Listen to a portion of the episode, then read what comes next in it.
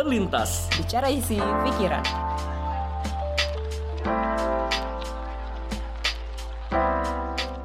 Halo, selamat datang di podcast Terlintas. Bicara isi pikiran. Episode baru. Yes, ini hampir 50 berarti ya. Iya, kita udah masuk ke episode 49 dan tentunya kita memiliki bahasan baru. Dan kali ini kita akan mempunyai tema apa nih, kita tema kita kali ini adalah flow ever. Jadi sebenarnya memang ngepan dari forever, tapi sebenarnya ini adalah satu bahasan yang lebih dari ngobrol biasa. Tapi kita kali ini juga mau ngulas sesuatu nih sebenarnya yang berhubungan dengan flow. Flow kan artinya aliran ya. Nah, biasanya mengalir apa tuh? Mengalir Air mata. itu- Iya, bisa air mata kalau kamu lagi sedih. Mengalir uang kalau yang bentar lagi Iya. dapat THR. Heeh. Tapi kali ini kita mau ngebahas aliran di salah satu buku yang udah kita baca berdua dan kita ngerasa ini oke banget diobrolin juga yaitu buku dari Paulo Coelho dengan judul seperti eh, Sungai yang Mengalir. Iya. Betul ya? Bukunya yang menurut kita berdua ini menarik untuk kita obrolin dan akhirnya sampai khusus dijadikan satu episode buat kita bahas. Bener, maksudnya ini ya bukan cuma bicara isi pikiran ya, Iya, cara isi buku Paulo. isi buku. Dikupas semua ya. Ya, cuman memang kenapa mungkin mungkin pendengar bingung kali ya ini judulnya kayak mature banget ya dewasa banget seperti sungai yang mengalir. Nah, mungkin kalau pendengar mungkin juga lebih familiar dengan ini kali ya buku Sang Alchemist, The Alchemist, terus eh, buku-buku lain. Nah, itu satu penulis tuh guys. Cuman yang ini tuh memang buku yang menurut gue sih kayaknya memang nggak begitu sepopuler bestsellernya beliau yang lain kayak The Alchemist. Tapi menurut kita berdua justru memang kita mau kasih ruang juga tuh. Ruang untuk show off si Iya. karya yang menurut kita. Ini underrated ya berarti ya, bisa dibilang ya. Karya Nah, yang mungkin- underrated. Mungkin buat pencinta Paulo, Paulo tidak. enggak. Tapi iya, cuman kalau mungkin dari penikmat buku bisa jadi sih. Maksudnya pasti kalah pamor sama The Alchemist. Iya. Kayaknya sih. Gitu deh. Tapi emang banyak yang nggak tahu juga sih tentang buku ini dibanding emang karya novel Paulo Coelho lainnya memang. Beberapa Betul. ya beberapa baru kayak emang gitu. Oh emang ada ya dia bikin buku seperti sungai yang mengalir ini. Karena gua aja baru tahu tahun ini. Itu dari lu Ren. Iya. Gitu sebenarnya. Nah maka ini yang mau kita obrolin ya. Mungkin kita kupas dulu kali ya dari bukunya dulu berarti ya. Nah, kurang lebih kita ulas dulu bukunya secara umum. Nah nanti hal yang sebenarnya yang mau nanti kita ajak juga kita mau ajak teman-teman jalan-jalan mengenai isi buku ini yang menurut kita menarik banget. sih. Betul. Jadi stay tune. Semoga juga menarik teman-teman yang mungkin belum baca atau yang udah baca juga mau ngobrol sama kita. It's okay banget. Iya. Gitu deh. Oke. Ini kita langsung aja ya. Ya kita mulai. Oke, pertama tahun rilisnya buku ini kan 2006, berarti emang udah cukup lama guys sebenarnya bukunya.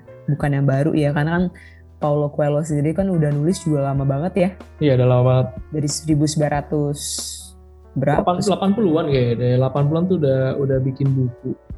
Dia tuh udah apa ya? Kayak misalkan dia pertama kali yang bikin The Pilgrimage ya. Iya. Itu itu tahun 1987. Wow, berarti ini emang mungkin yang belum pernah dengar nih memang penulis yang kaliber ya sebenarnya yang Iya. udah lama lah. Nah, jadi buku ini tuh 2006 dengan judul as- asli. Ini bisa dikorek ya kalau salah karena ini bahasanya bukan bahasa Inggris. Ser como orio que flui, like the flowing river. Ini kalau nggak salah ini ya em, judul apa kayak entah judul lagu atau salah satu bagian lirik lagu gitu. Ada yang mirip-mirip lah ya gitu ya tentang Hmm. sungai yang mengalir gitu. Yes. Iya lagu rohani juga ada yang kayak gitu. Oh iya bener ya mungkin Mm-mm. dengar juga tahu Iya. beberapa. Tapi emang dari judul ada maknanya kayak ada dalam ya sungai yang mengalir gitu. Bener, bener. Dan ini mungkin ini juga kali ya. Jadi emang kurang lebih kan buku ini memang ngomongin kumpulan peristiwa-peristiwa yang direfleksiin. Kayak kumpulan artikelnya Paulo juga ya. Karena kan dia juga eh, sempet ini ya. Dia juga semacam mengisi artikel gitu ya di surat kabar, Iya. di di buku cetakan lainnya. Jadi ini memang kayak kumpulan pemikiran dan segala macam. Jadi ini memang Pengalaman-pengalaman dia. Hmm. betul pengalaman dia yang memang kayak si Paulo ini sangat adventurous sih, banget banget banget sih. Iya. Yeah. Sebagai penulis gitu. Jadi kan um, dia pernah um, jadi kaum hippies, dia yeah. pernah uh, ikut perang ya kalau nggak salah ya. Iya yeah, dia pernah jadi kayak gabung ke dalam grup apa gitu ya. Mm, terus pernah menekuni Pen semacam kayak apa sih bukan ilmu sihir ya yang semacam kayak gitu-gitu Iya gitu-gitu lah ada kayak ritual-ritual tertentu yang juga dipelajari gitu kan. Benar, benar, benar. Termasuk eh, mendalami alkimia juga gitu yang gue juga nggak tahu sih sebenarnya tuh maksud alkimianya yang benar-benar praktik relay seperti apa gitu. Sama sih, itu yeah. masih kayak apa ya? Masih kayak hal yang didebatkan gitu ya. Yeah. Maksudnya apakah itu real atau enggak? Terus yang gue ingat kan si Paulo ini juga pernah bilang dia tuh pernah ngeliat orang misalkan kayak ngelakuin hal-hal yang di luar itu kan. Di luar nalar ya? nalar, uh, kayak misalkan pernah apa tuh satu yang dia ngeliat orang apa cuaca gitu. Iya kayak bisa memanipulasi cuaca gitu lah ya. Nah tuh yeah. kalian bayangin si author satu ini kalau kalian belum pernah denger itu adalah pengalaman penulis si buku ini yang menurut gue sendiri sih apa ya walaupun beberapa kisah mungkin bikin kita bertanya-tanya, tapi nilai-nilai yang ada tuh sangat bisa diaplikasikan keseharian banget gitu gak sih? Bener, bener, bener. Nah itu sih yang menurut gue itu salah satu nilai bukunya yang kayak lu harus baca banget tuh karena itu sih. Iya. Yeah. Gitu. Ada yang belum gue sampaikan gak ya untuk latar yeah. belakang si bukunya dulu nih? Iya, yeah, paling uh, ya itu secara umum bukunya seperti itu sih ya. Tapi memang buku ini udah cetak berkali-kali, bahkan udah sampai ke beberapa bahasa. Jadi yang di Indonesia ini sebenarnya itu udah kalau yang buku yang gue punya nih ya, yeah. buku yang gue punya itu tuh udah cetakan ke delapan, eh ke tujuh, ke tujuh sorry.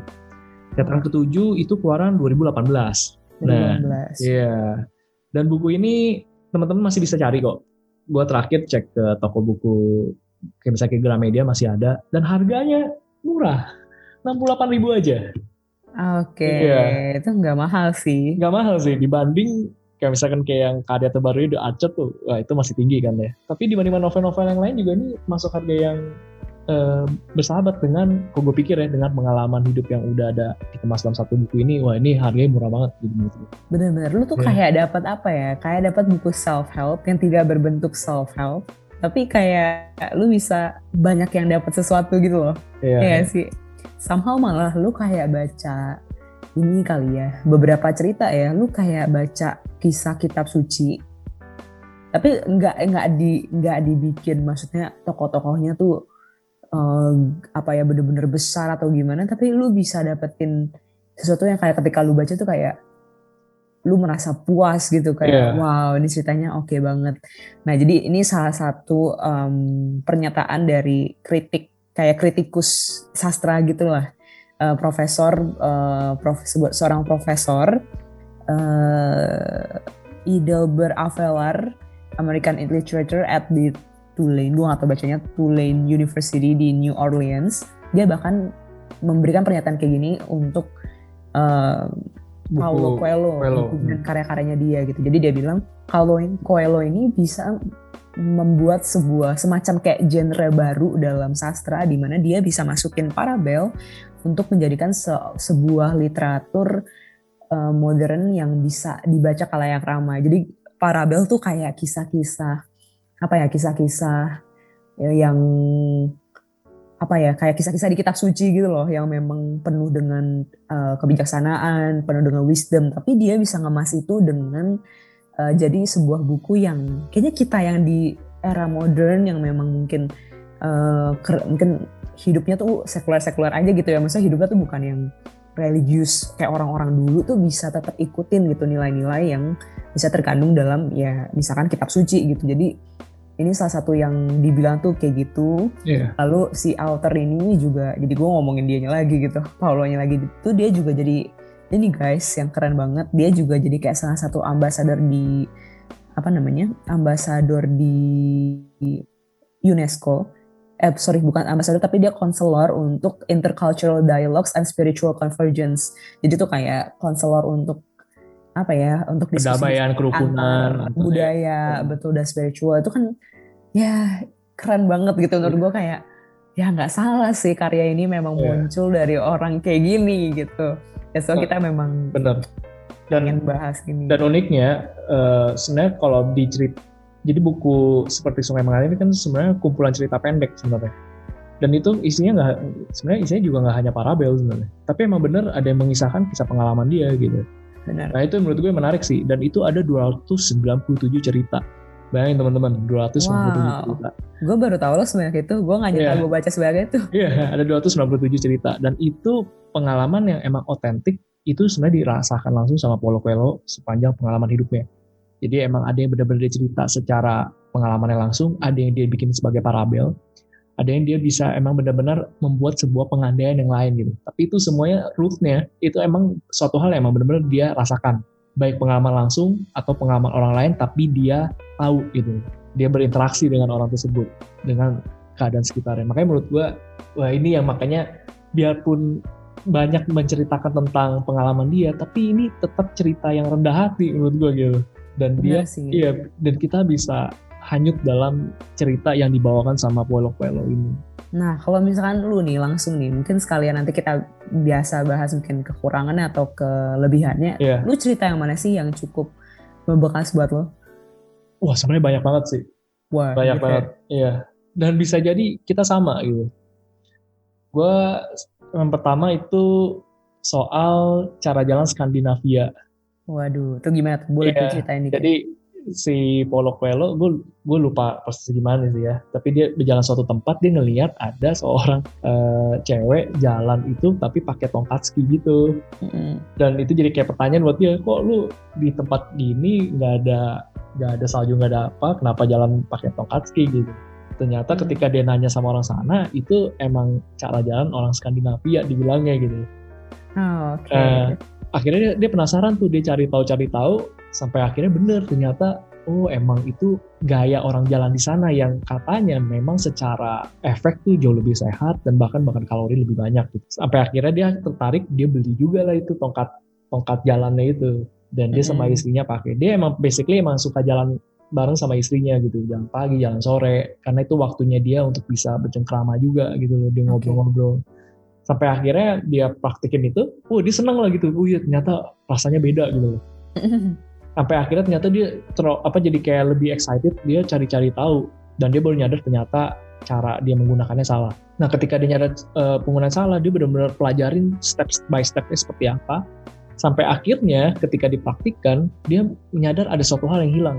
Dia hilang waktu ngobrol sama istrinya, dia hilang momen hmm. dengan keadaan di sekitarnya gitu. Dia nggak berinteraksi dengan keadaan sekitarnya, dia nggak aware gitu. Dia terlalu fokus dengan aturan, dia terlalu fokus dengan dirinya, dia terlalu fokus dengan bagaimana caranya jalannya benar, sehingga dia kehilangan tanda kutip ya berarti dia kayak ngerasa kehilangan esensi dari sebenarnya apa yang mau dia lakuin gitu, hal yang sebenarnya dia dambakan, hal yang dia suka. Akhirnya sampai suatu titik dia kayak ngerasa emang ya singkirkan semua aturan, ikutin uh, insting lu, ikutin intuisi lu gitu, dan lu tetap bisa mendapatkan sesuatu dari situ. Kadang kita perlu seperti itu gitu, yang akhirnya didapat dari dari dari kisahnya itu dan menurut gue itu yang ngena juga sih ke gue gitu. Gue yang takut salah kan sering kan. Jadinya kita hmm. kayaknya uh, rule oriented banget gitu loh jadinya. Kita benar-benar perhatiin segala macam gak salah. Tapi padahal tuh akhirnya menghukum kita gitu yang sebenarnya kalau kita bebas berkreasi juga ya nggak apa-apa selama memang kita nggak melakukan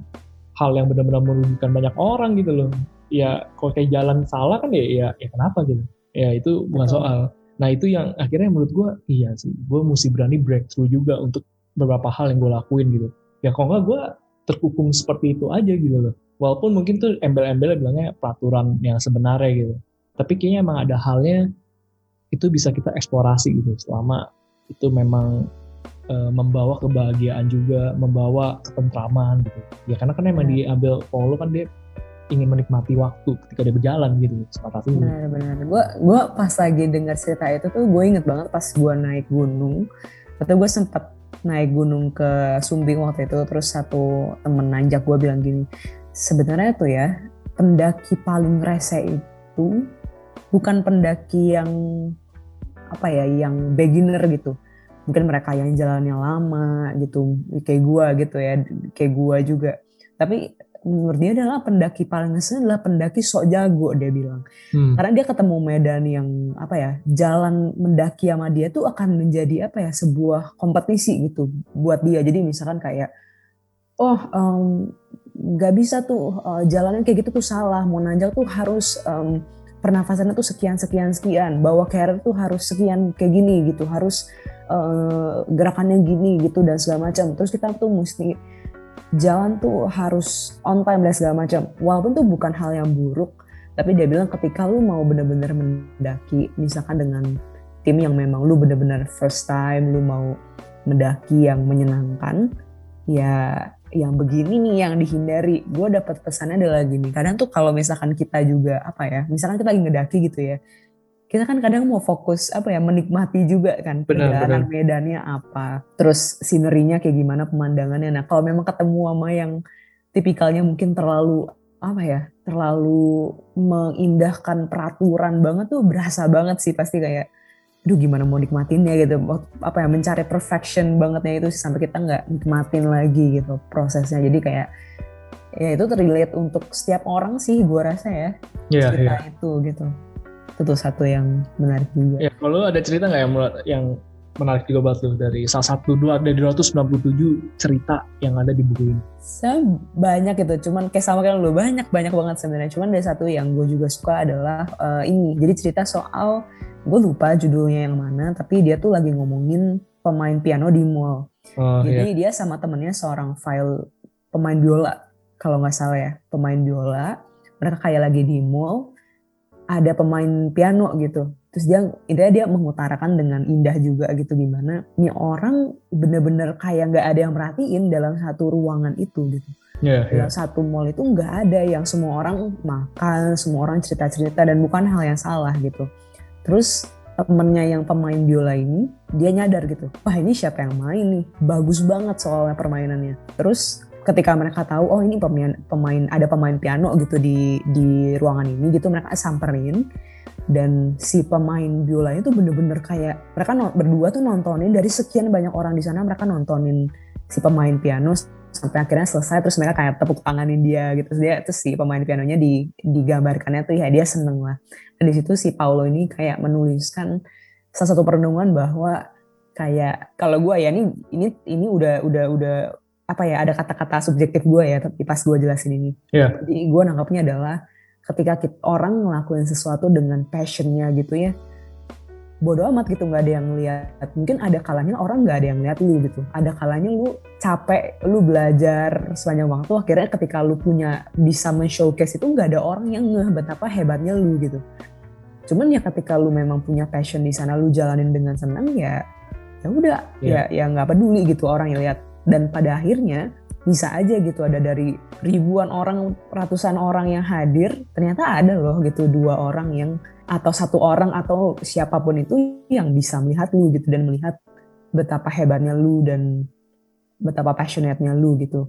Yeah. Nah itu sisi pertama yang gue pelajarin dan kedua yang gue refleksikan adalah kadang tuh kita suka nunda dalam mengapresiasi orang menurut gue gitu.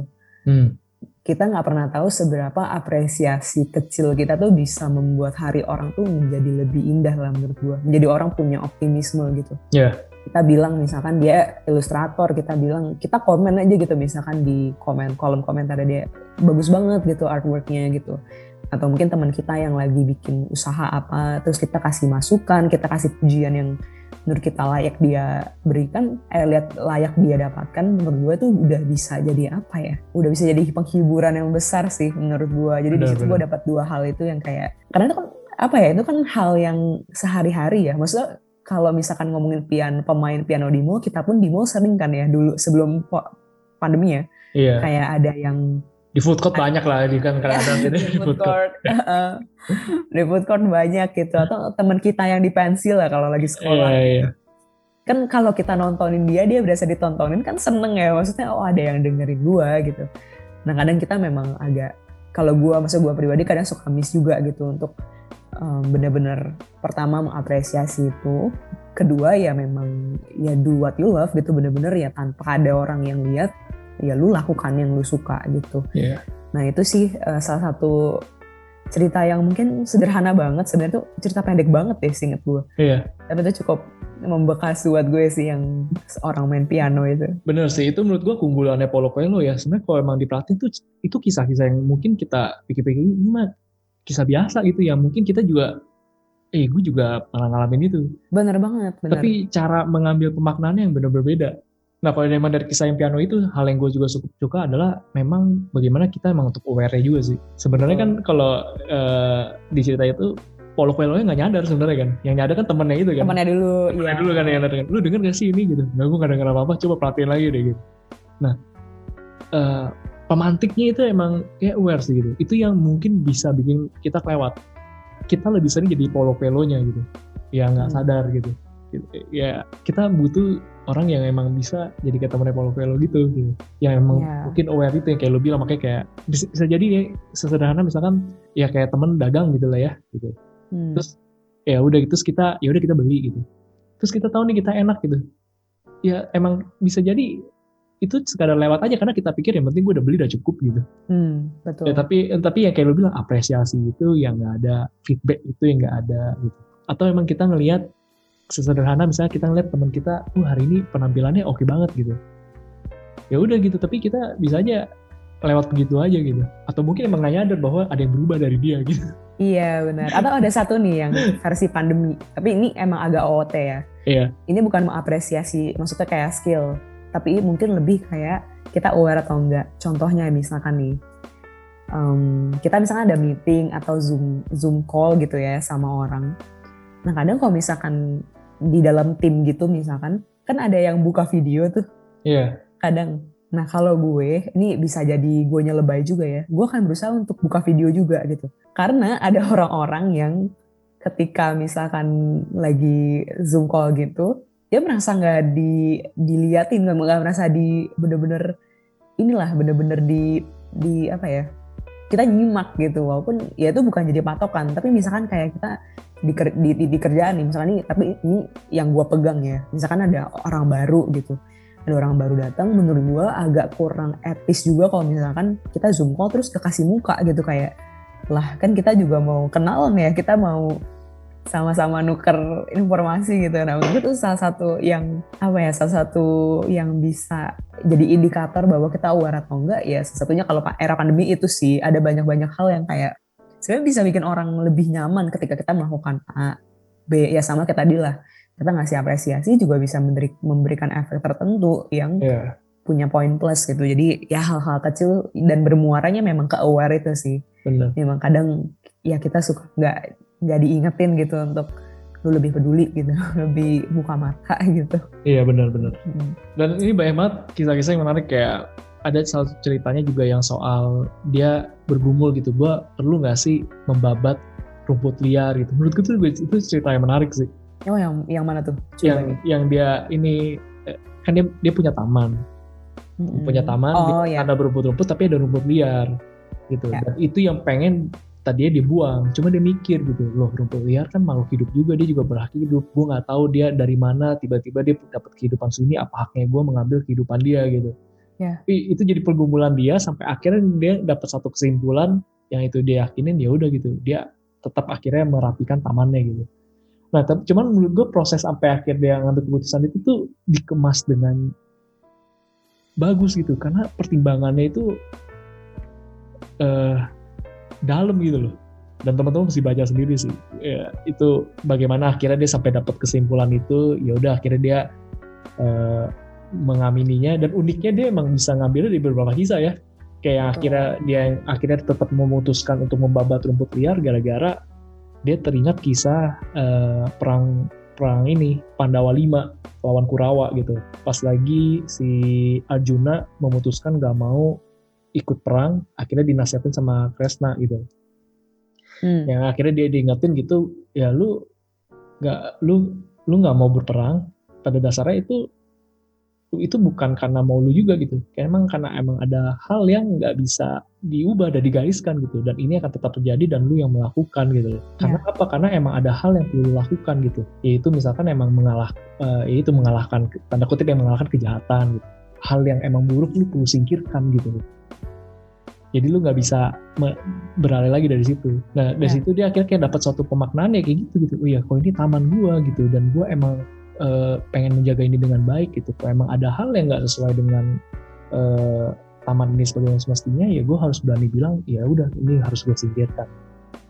Ya yang gitu gitu gitu loh. Ya gue salut aja sih dengan cara dia mengambil uh, pemaknaan itu sih. Dan ketahuan juga dia pengat dan dia wawasannya berarti luas juga ya karena dia tahu banyak kisah gitu. Bener tuh mulai dari kisah dari kitab Bhagavad iya, Bhagavad Gita ya. Iya, Bhagavad Gita dia juga ada tahu gitu. Terus dari kitab suci Kristiani juga ada. Ada sampai kayak kisah-kisah uh, daerah-daerah tertentu kayak misalkan di Mongol kayak tentang Genghis Khan, dia tahu gitu loh. Emang iya loh. Emang ya itu yang akhirnya buat dia jadi kayak pemaknaan sih gitu. Dan itu enaknya baca cerita ini guys. Jadi kita mungkin nggak pernah baca kitab Bhagavad Gita, kita nggak bisa kita belum pernah kita nggak perlu baca misalkan kitab suci agama lain tapi kita udah dikasih sedikit sedikit tuh kayak petikan-petikan berharganya loh. Jadi kita kayak ya kita diceritain ulang sebenarnya diceritain ulang makna-makna yang udah dia dapat dia kasih ke kita gitu. Jadi murah hati sebenarnya gitu. Murah hati murah hati sih itu jadi kita bener. Jadi kita kayak baca satu cerita pendek tapi itu sebenarnya tuh gua rasa ya itu udah ekstraksi pengalaman dia bertahun-tahun, buku yang dia baca yang banyak banget, dia dia dia ekstrak sarinya. Kita sekali buku aja juga udah dapet gitu mungkin nilainya gitu. Iya, iya. Gitu sih. Itu ya salah satu alasan lah kenapa buku ini juga kita bicarakan sih karena emang sepenuh ya kalau menurut kita ya menurut subjektif kita sih memang memang ya dapatnya banyak gitu dari bahkan dari kisah-kisah yang Benar. pendek bahkan dari ada deh satu berita yang gue aja sampai lupa itu pernah pernah ada kejadiannya itu loh yang um, ada orang meninggal tapi ada kerangkanya tapi masih pakai piyama. Hmm, yang kak oh ini ya orang Jepang. Iya karena nggak ada nggak ada yang tahu ya. Betul. Hmm. Kalau misalkan kita nih kita ngeritel apa ada berita misalkan kita gue ngomong ke Randy Ren tau nggak gue baru tahu ada berita Ren ternyata di Jepang pernah ada kasus ditemui sebuah kerangka kerangka manusia ada ada piyamanya yang di mana ya dia ada di situ ternyata berpuluh-puluh tahun. Maksudnya kita ngomongin kayak gini kan kayak informasi biasa ya. Iya, iya. Tapi hebatnya Paulo adalah dia bisa ngemas itu jadi sesuatu yang benar-benar bikin kita mikir gitu. Karena di situ kalau misalkan di cerita ini dia memaparkannya tuh memang ngomongin soal loneliness gitu. Dia bilang salah satu hal yang bikin manusia menderita tuh bukan cuma penyakit, bukan cuma ngerasa kekurangan tapi ya ngerasa sendiri gitu kesepian gitu. Iya. gimana ada orang yang bisa tinggal sendiri gak dicariin gitu sama bahkan sama mantan istrinya sama uh, kolega kerjanya sama tempat dia kerja sampai dia berapa puluh berapa belas atau berapa puluh tahun tuh baru ditemukan dia benar-benar pakai piyama. Bayangin di ya gue bener-bener di dengan kata-katanya dia dengan diksi pemilihan katanya Paulo gue bener-bener bikin gue aduh nyes banget gitu gue baca baca berita itu gitu karena kayak bener-bener ya juga ya maksudnya gimana ya orang-orang di luar sana yang sampai mati pun gak ada yang nyariin maksudnya tuh kayak sedih banget sih dan itu bener bikin gue mikir juga gitu kayak wah yeah. itu itu emang unik sih. emang uniknya manusia kalau dipikir ya bisa kalau kayak beralih misalnya kayak bahasan sapiens lah ya kayak misalkan hmm. uh, Yuval ngomong banyak loh sebenarnya kayak realitas hayalan yang di, dibentuk sama manusia gitu dan itu bukan yang nggak ada bukan berarti itu bohong itu ada gitu karena diakui gitu secara kolektif orang mengakui itu ada gitu makanya kayak perusahaan ideologi segala macam gitu itu kan sebenarnya hmm. agama termasuk kan dibilangnya itu realitas hayalan gitu Iya. Yeah. Nah itu bayangin itu juga bisa terjadi untuk hal yang sebaliknya. Orang bisa aja kalau secara kolektif nanggep satu hal tuh nggak ada ya udah lu kayak bisa nggak eksis gitu. Benar dan, dan lu kebayang gak sih kalau itu terjadi di kehidupan seseorang gitu? Benar. Bener-bener orang nggak inget lu lu nggak tahu lu ada gitu. Dan bahkan mungkin kita bisa kayak gitu tanpa kita sadarin gitu. Ada orang yang kita emang lupa gitu. Tapi dia mungkin lagi butuh pertolongan butuh bantuan. Ya tapi ya kita nggak inget dia gitu Iya, gitu. iya. Sampai kadang sampai mati pun dia mati sendiri gitu. Nanti Nikmatin sendiri. Wah itu ya itulah itu dari satu berita yang diceritain sama Paulo ya maksudnya. Iya. Ya itu hebatnya gitu salah satu cerita yang menurut gua cara dia menuturkan tuh emang bisa aja gitu bikin orang tuh mikir lebih dalam gitu. Beda kan sama gue yang tadi nyobain cerita Randy gitu kan kayak ya gue kayak line today aja gitu. Iya, Eh iya. ngomong ber- ngomong merek gue. Cuma sekadar share informasi aja jadinya gitu kan. Hmm. bener bener. Kalau di sini kita diajak ikut mikir gitu. Iya. Ya, gitu. Nah, Dan ki- dan kisahnya bukan selalu kisah yang enak-enak dan baik-baik ya gitu, tapi emang ada hal yang gak enak juga gitu. Misalnya kayak yang dia cerita yang dia lagi di Australia itu yang diwawancara sama orang yang gak suka karyanya kan sebenarnya Oh, iya. situasi yang gak enak kan gitu. Tapi bener bener. ya di situ bisa dikemas yang menarik lagi gimana akhirnya dia bisa menanggapinya gitu respon-respon yang seperti itu tapi dibalik jadi suatu hal yang malah jadi hal yang menarik gitu. atau enggak emang kisah-kisah yang memilukan gitu ya ini lengkap lah di buku ini campur aduk gitu rasanya Benar, benar. Dan menurut gua ini salah satu yang menarik karena dia juga jujur. Karena kan ini kan, kalau misalnya kita ceritain tentang pengalaman kita, menurut gua ketika itu mau dibaca orang, kadang kita akan ada apa ya, ada filter gitu. Kita akan moles bagian mana yang tidak mengindikasikan bahwa kita orang jahat, ya Iya, nggak sih? iya Kayak misalkan gue mau cerita yang bakal lu baca, terus gue mau cerita gue nabrak kucing bawa ke ke Dokter hewan. sakit deh dokter hewan. Terus ternyata aslinya kejadian aslinya adalah sebenarnya gue mikir panjang nih, supaya gue nggak mau mau banget nyelamatin kucing ini gitu. Kan Iya. gue nggak mungkin tulis ya, gue pasti tulis. Oh gue eh, ini gue tulis misalkan gue nabrak kucing, gue langsung bawa ke rumah sakit. Kan pasti image orang tentang gue kan kayak wah berarti lu sempet Gampang banget iya. Iya. Sedangkan kalau misalkan di buku ini ada beberapa pengalaman-pengalaman Paulo yang dia memang ngutarain jujur. Misalkan yang pas dia apa namanya pas dia mau diajak ke oh ngunjungin gereja ya kalau nggak salah Hmm. ngunjungin gereja tuh dia dia di situ kayak mengungkapkan sebenarnya gue males banget gitu gue males gitu gue kayak gini buat menghargai aja karena gue pertama punya request eh, punya request pas dia sedang ke mana untuk tur buku atau apa berbuku ya Heeh, tapi dia tulis gitu, gue males gitu. Cuman ternyata turn out dia bilang ya ini adalah perjalanan yang gak disangka-sangka gitu yang tadinya dia males gitu. Ternyata ini memang ngasih sesuatu. Cuman kan bagian ya itu kadang kan ada penulis yang kalau misalkan nulis mungkin ya pengalaman pribadi tapi itu kayak perasaan asli yang mungkin bisa membuat dia dicap sebagai A I U E O tuh nggak ditulis tapi ini dia tulis gitu maksudnya dia mengembrace ya diri dia yang emang ya emang nggak sempurna gitu loh.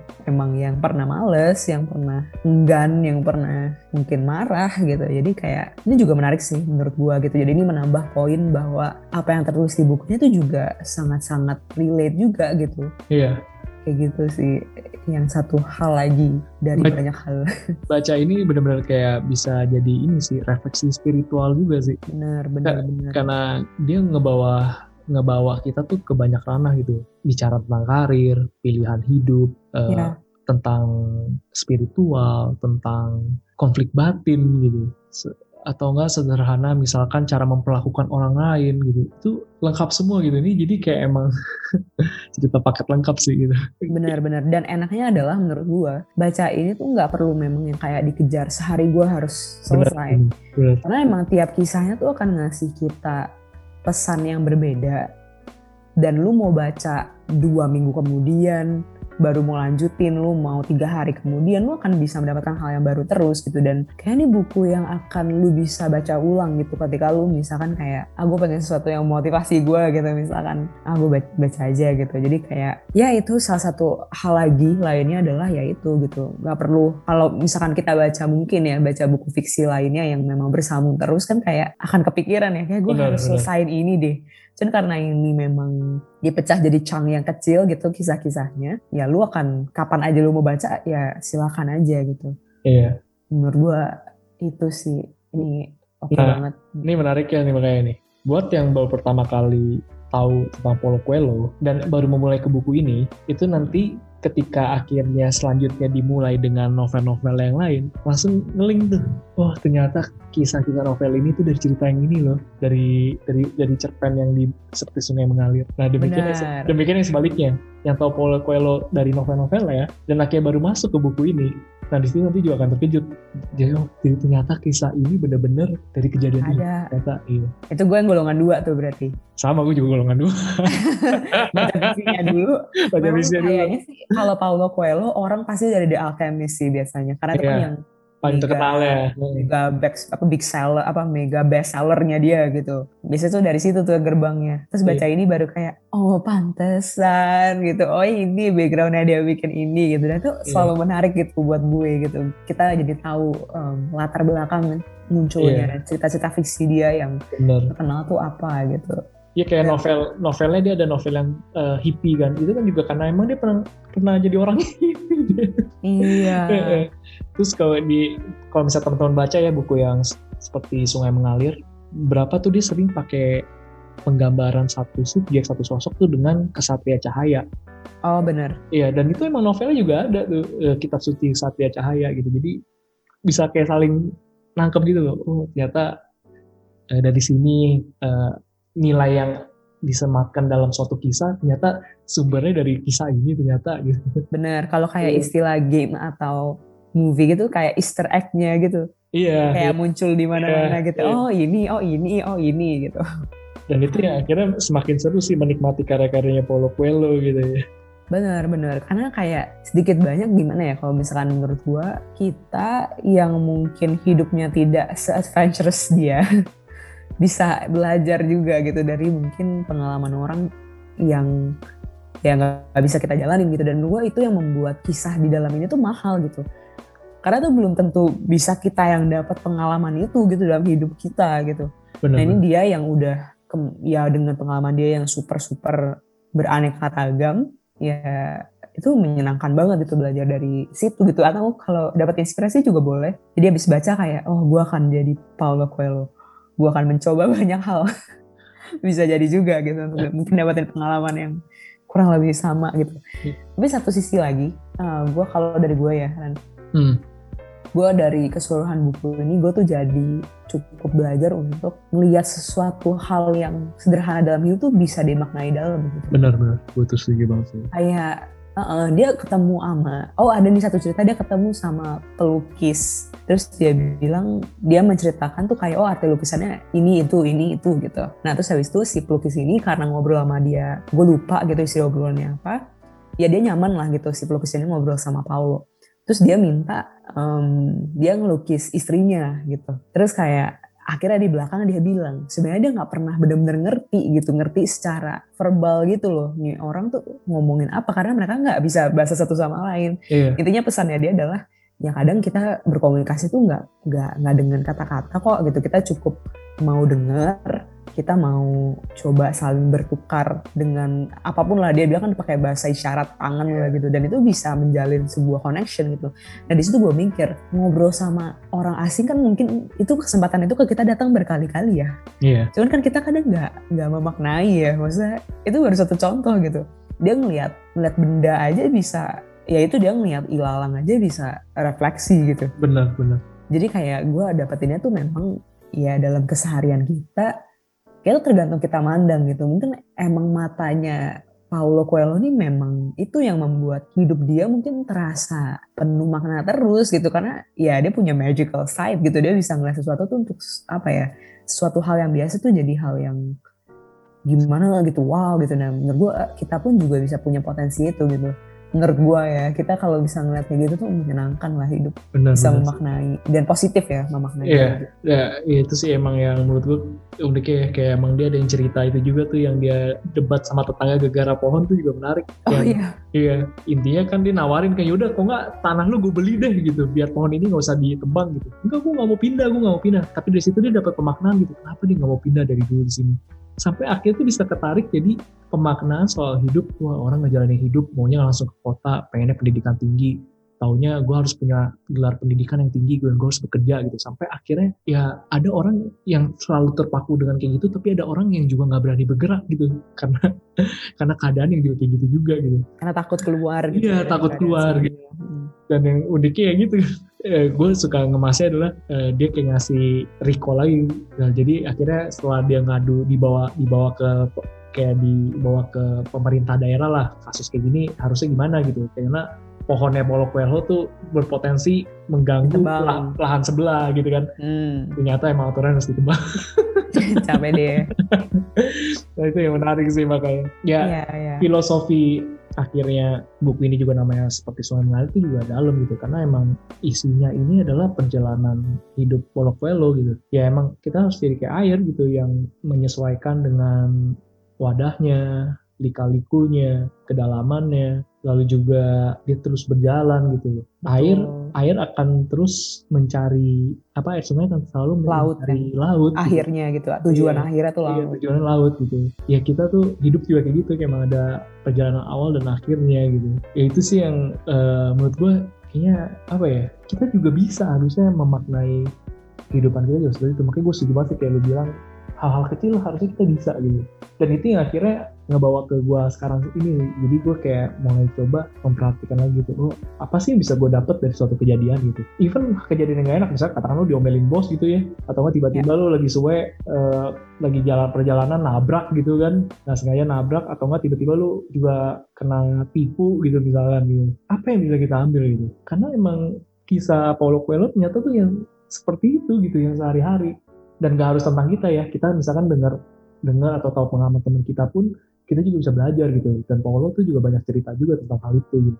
ya itu sih menurut gua wow kayak buku ini kalau yang dibaca sama beberapa orang terlepas kelebihan dan kekurangan dari buku ini ya lu dapat dapat banyak sesuatu lah gitu dari dari kisah-kisah yang ada gitu Benar-benar. Kalaupun nggak dapat sesuatu yang gimana banget, gua rasa tuh bisa mantik kita buat mikir gitu. Minimal banget menurut gua itu pasti terjadi gitu. iya Hmm. dan Nah itu juga apa? Lu ya nggak apa-apa lanjutin lanjutin lanjutin Oh enggak sih, tadi gue mau menegaskan itu doang. That's why kita temanya flow ever. Uh, itu karena emang menurut kita ya kayak tadi Randy bilang gitu. Menurut gue juga kehidupan kita tuh ya kayak sungai yang akan mengalir selamanya gitu. Selamanya dalam arti gini. Kalau misalkan si ini Paulo juga yang ngomong hidup kita sekarang itu tuh kayak apa ya akan berimbas ke masa depan dan sebagai sebagai penggenapan dari masa lalu gitu. Jadi memang kita sadari bahwa misalkan hidup kita sekarang ini ya apa ya tanda kutip berpengaruh dari masa lalu dan masa depan gitu segitu signifikannya juga gitu jadi memang ya kalau kita bisa mengalir dan alirannya bisa juga bikin di masa depan juga menjadi lebih baik untuk kita dan orang lain ya alirannya ya aliran yang baik gitu menurut gue gitu. Dan itu akan mengalir terus menerus gitu dan forever lah itu. Iya. Kayak gitu sih. Gue tadi mau nambahin itu doang tuh tadi ada Iya. ngomong itu. Nah ini di kalau teman-teman punya bukunya, dia di awal buku tuh dia ada masukin puisi, puisi dari Manuel Bandeira. Jadi isinya begini, jadilah seperti sungai yang mengalir, hening di kala malam, usah takut pada kegelapan, pantulkan bintang-bintang. Jemakan pula awan-awan, sebab awan itulah air, tiada beda dengan sungai. Maka pantulkan juga dengan sukacita, di kedalamanmu sendiri yang tentram. waduh cakep ya, ya, cakep lah. Ya, emang isinya aja kan judulnya juga itu kan seperti sungai mengalir, buah pikiran dan renungan. Ini buah dari tumbuhan sampai punya buah tuh proses gitu. Dan dan ini menurut gua proses yang mahal gitu. Dan, dan kita bisa baca itu untuk dapatkan buahnya gitu. Bisa langsung kita makan. Nggak perlu kita tanam lagi gitu. Benar benar benar benar. Ini menarik lah. Ini makanya buku yang ya kita rekomendasikan buat teman-teman tuh baca gitu. Karena kisahnya terlalu banyak yang menarik tuh kalau mau diceritain mah bisa tiga jam kali. Iya. ngomong satu cerita aja bisa di ngobrolin bermenit-menit. Iya. Tuh jadi ya ini rekomendasi banget buat teman-teman yang dengar sekarang. Kalau misalkan mau dan berkenan sama aja ya langsung baca aja baca gitu. buktiin juga nih dari omongan kita ah kayaknya kalian lebay masa sih oke itu nah dicoba dulu Iya, coba dulu. Kemungkinan itu bisa terjadi sih, tapi nggak apa-apa. Bisa, Itu- bisa. Tapi itu mendingan dibuktikan sendiri makanya. benar benar kita nyicip dulu ya Iya, oh, itu sih iya. Mau di ebook juga ada kok. Kalau misalnya males nyari fisiknya, mungkin udah susah ya. Cari di ebooknya juga ada. Di Betul, di playbook juga ada. Harusnya terus atau nggak di aplikasi Gramedia juga ada. atau pinjam sama Randy Pinjam bisa kalau rumahnya deket nggak apa-apa, dah ambil aja ke rumah.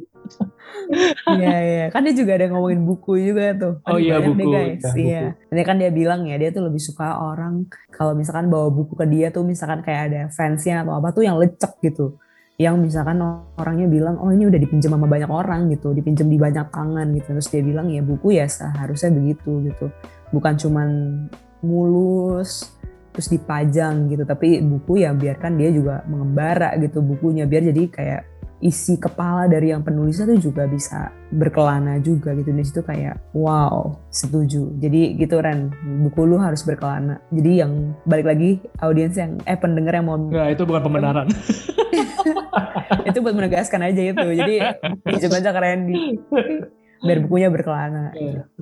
nah makanya mau yang pasti emang memanfaatkan buku nggak buang buku cuma sebenarnya penting ke perpustakaan sih. Sebenarnya itu buku banyak di sana gitu. Tapi orang dikit ke sana gitu. Padahal buku itu ada buat dibaca gitu. ya sebenarnya alih-alih juga mungkin beli ya mungkin ya teman-teman ya kalau push ya boleh lah. Nggak jangan lagi skripsi aja gitu. Hmm. iya. Tapi gue juga punya keinginan sih. Punya keinginan suatu saat misalnya eh ya gue kan beli buku juga banyak lah ya. Ada beberapa nggak banyak sih. Buku gue masih ada berapa. Tapi kalau misalnya kita misalkan depan rumah gitu kita bikin garasi kita bikin perpustakaan kecil aja gitu. Buat orang-orang di sekitar aja yang kayak emang orang susah akses buat baca itu itu sebenarnya udah menarik loh gitu buat dilakuin. Benar benar benar, Iya. benar. jadi ya sebenarnya emang kalau kalau dari baca ini emang jadi bikin banyak memantik banyak hal gitu loh malah kan bisa jadi ada ide gitu benar benar banget gitu. sih inspirasi gitu ya Eh, inspirasi dan segala macam gitu karena emang ada hal yang mungkin kita nggak kepikirkan gitu tapi di, di, diutarakan disampaikan di buku ini gitu. nah bahkan bahkan itu gue kok baca Paulo Coelho makanya gue jadi jadi mikir gitu makanya kalau beberapa tulisan gue tuh juga sebenarnya eh gue ingin belajar untuk bisa melihat pengalaman-pengalaman yang seperti itu gitu. Makanya jadi gue tuh berusaha juga gitu. Oh gue nemu sesuatu gue merasa nih oke ya udah gue convert itu dalam, dalam tulisan gitu. Ya itu karena Paulo Coelho gitu. Karena gue baca kisahnya oh ya ini bisa gitu. Ya walaupun tapi itu buat pemuas egois gue sih ya. Karena kalau Paulo Coelho kan ada nama ya orang baca mah senang-senang aja wah ini kisah Paulo Coelho gitu. Kalau kisah gue mau buat apa gitu kan. Tapi Hmm. itu ngebantu gue untuk bisa memaknai hidup gue gitu. Dan gue suka akan hal itu gitu.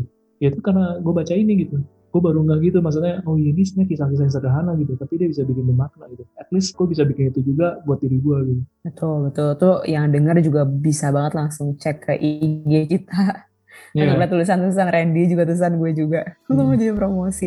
Cuman bener banget, maksudnya gue sendiri pun banyak terinspirasi banget sama Paulo. Dan bisa dilihat sebenarnya ada a glimpse of Paulo di dalam tulisan gue juga sebenarnya. Jadi memang ya itulah mungkin salah satu salah satu plusnya baca nggak cuma Paulo sih kalau ini iya. ya itu bisa membuat kita terinspirasi lah dan dengan banyak cara gitu. Dengan lu jadi bikin karya misalkan dalam tulisan atau apa pun. Nah si buku ya seperti sungai yang mengalir ini menurut gue juga akan kasih kita banyak banget inspirasi dan bisa diaplikasiin gitu. Gue jadi ingat satu quotesnya Najwa Sihab duta baca Indonesia asik Hmm. dia bilang kan gini kan ini pernah lu bilang juga Ren pernah lu bawa juga di episode gue lupa. Cuma perlu satu buku untuk jatuh cinta pada membaca. Cari buku itu mari jatuh cinta. Nah mungkin yang belum jatuh cinta mungkin pada buku coba baca buku ini. Siapa tahu Hmm. bikin kamu jatuh cinta. Buku ini di mata kita udah cantik ganteng lah cantik Hmm, ganteng luar dalam udah ya betul. Iya betul. Iya gitu sih. Iya. Tahu gitu. Atau mari jatuh cinta dengan hidup juga lah. Iya, harus iya. baca buku ini pokoknya ini kan buku ini kan digambarkan kayak sungai mengalir ya. Ya teman-teman nanti bener-bener kayak bisa ngelihat pantulan diri teman-teman lah nanti di sungai itu. Jadinya kita bisa bercermin juga sama hidup kita gitu. ya itu sih yang gue dapet sih ya. Itu yang gue rasain juga gitu. Ya makanya ya bener sih gitu. Mungkin kalau mau lihat spoilernya eh, kisah-kisah kita ya ada di cerita-cerita tulisan kita tuh. Iya. Sebenarnya ada pasti ada lah sisi Paulo Coelho. Nah itu, jadi siapa tahu kalau di kalau misalkan kayak gue di manifestasinya setelah baca buku ini adalah gue jadi nulis juga, gue juga belajar mencari makna dalam kehidupan sehari-hari. Mungkin di temen bisa beda-beda lagi nanti Benar. eh, manifestasi dari hasil baca buku ini apa. Ya jadi ini yang makanya mau kita secara khusus kita tawarkan. Benar banget. Betul sekali. Ya intinya banyak baca buku sih ya, intinya sih itu sih. Gak hanya buku ini aja, buku yang lain juga perlu dibaca.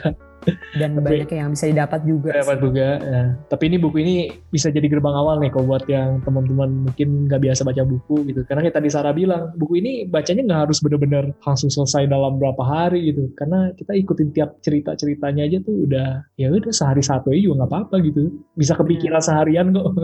Iya, betul banget sih. Benar, benar, benar, benar. Langsung coba baca aja guys. Iya, boleh dicari aja deh. Hmm, Nanti ngobrol sama kita juga. Boleh banget. Oh, pu- siapa tahu punya uh, pemaknaan berbeda ya dan hasil yang berbeda juga. Hmm, hmm. Iya Yes. sih.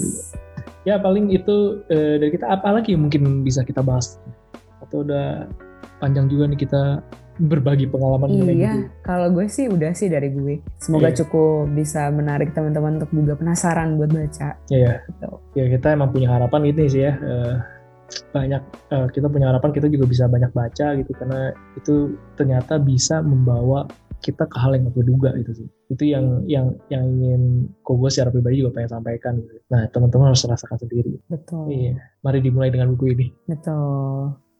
Oke deh, kok kayak gitu kita tutup aja episode kali ini ya.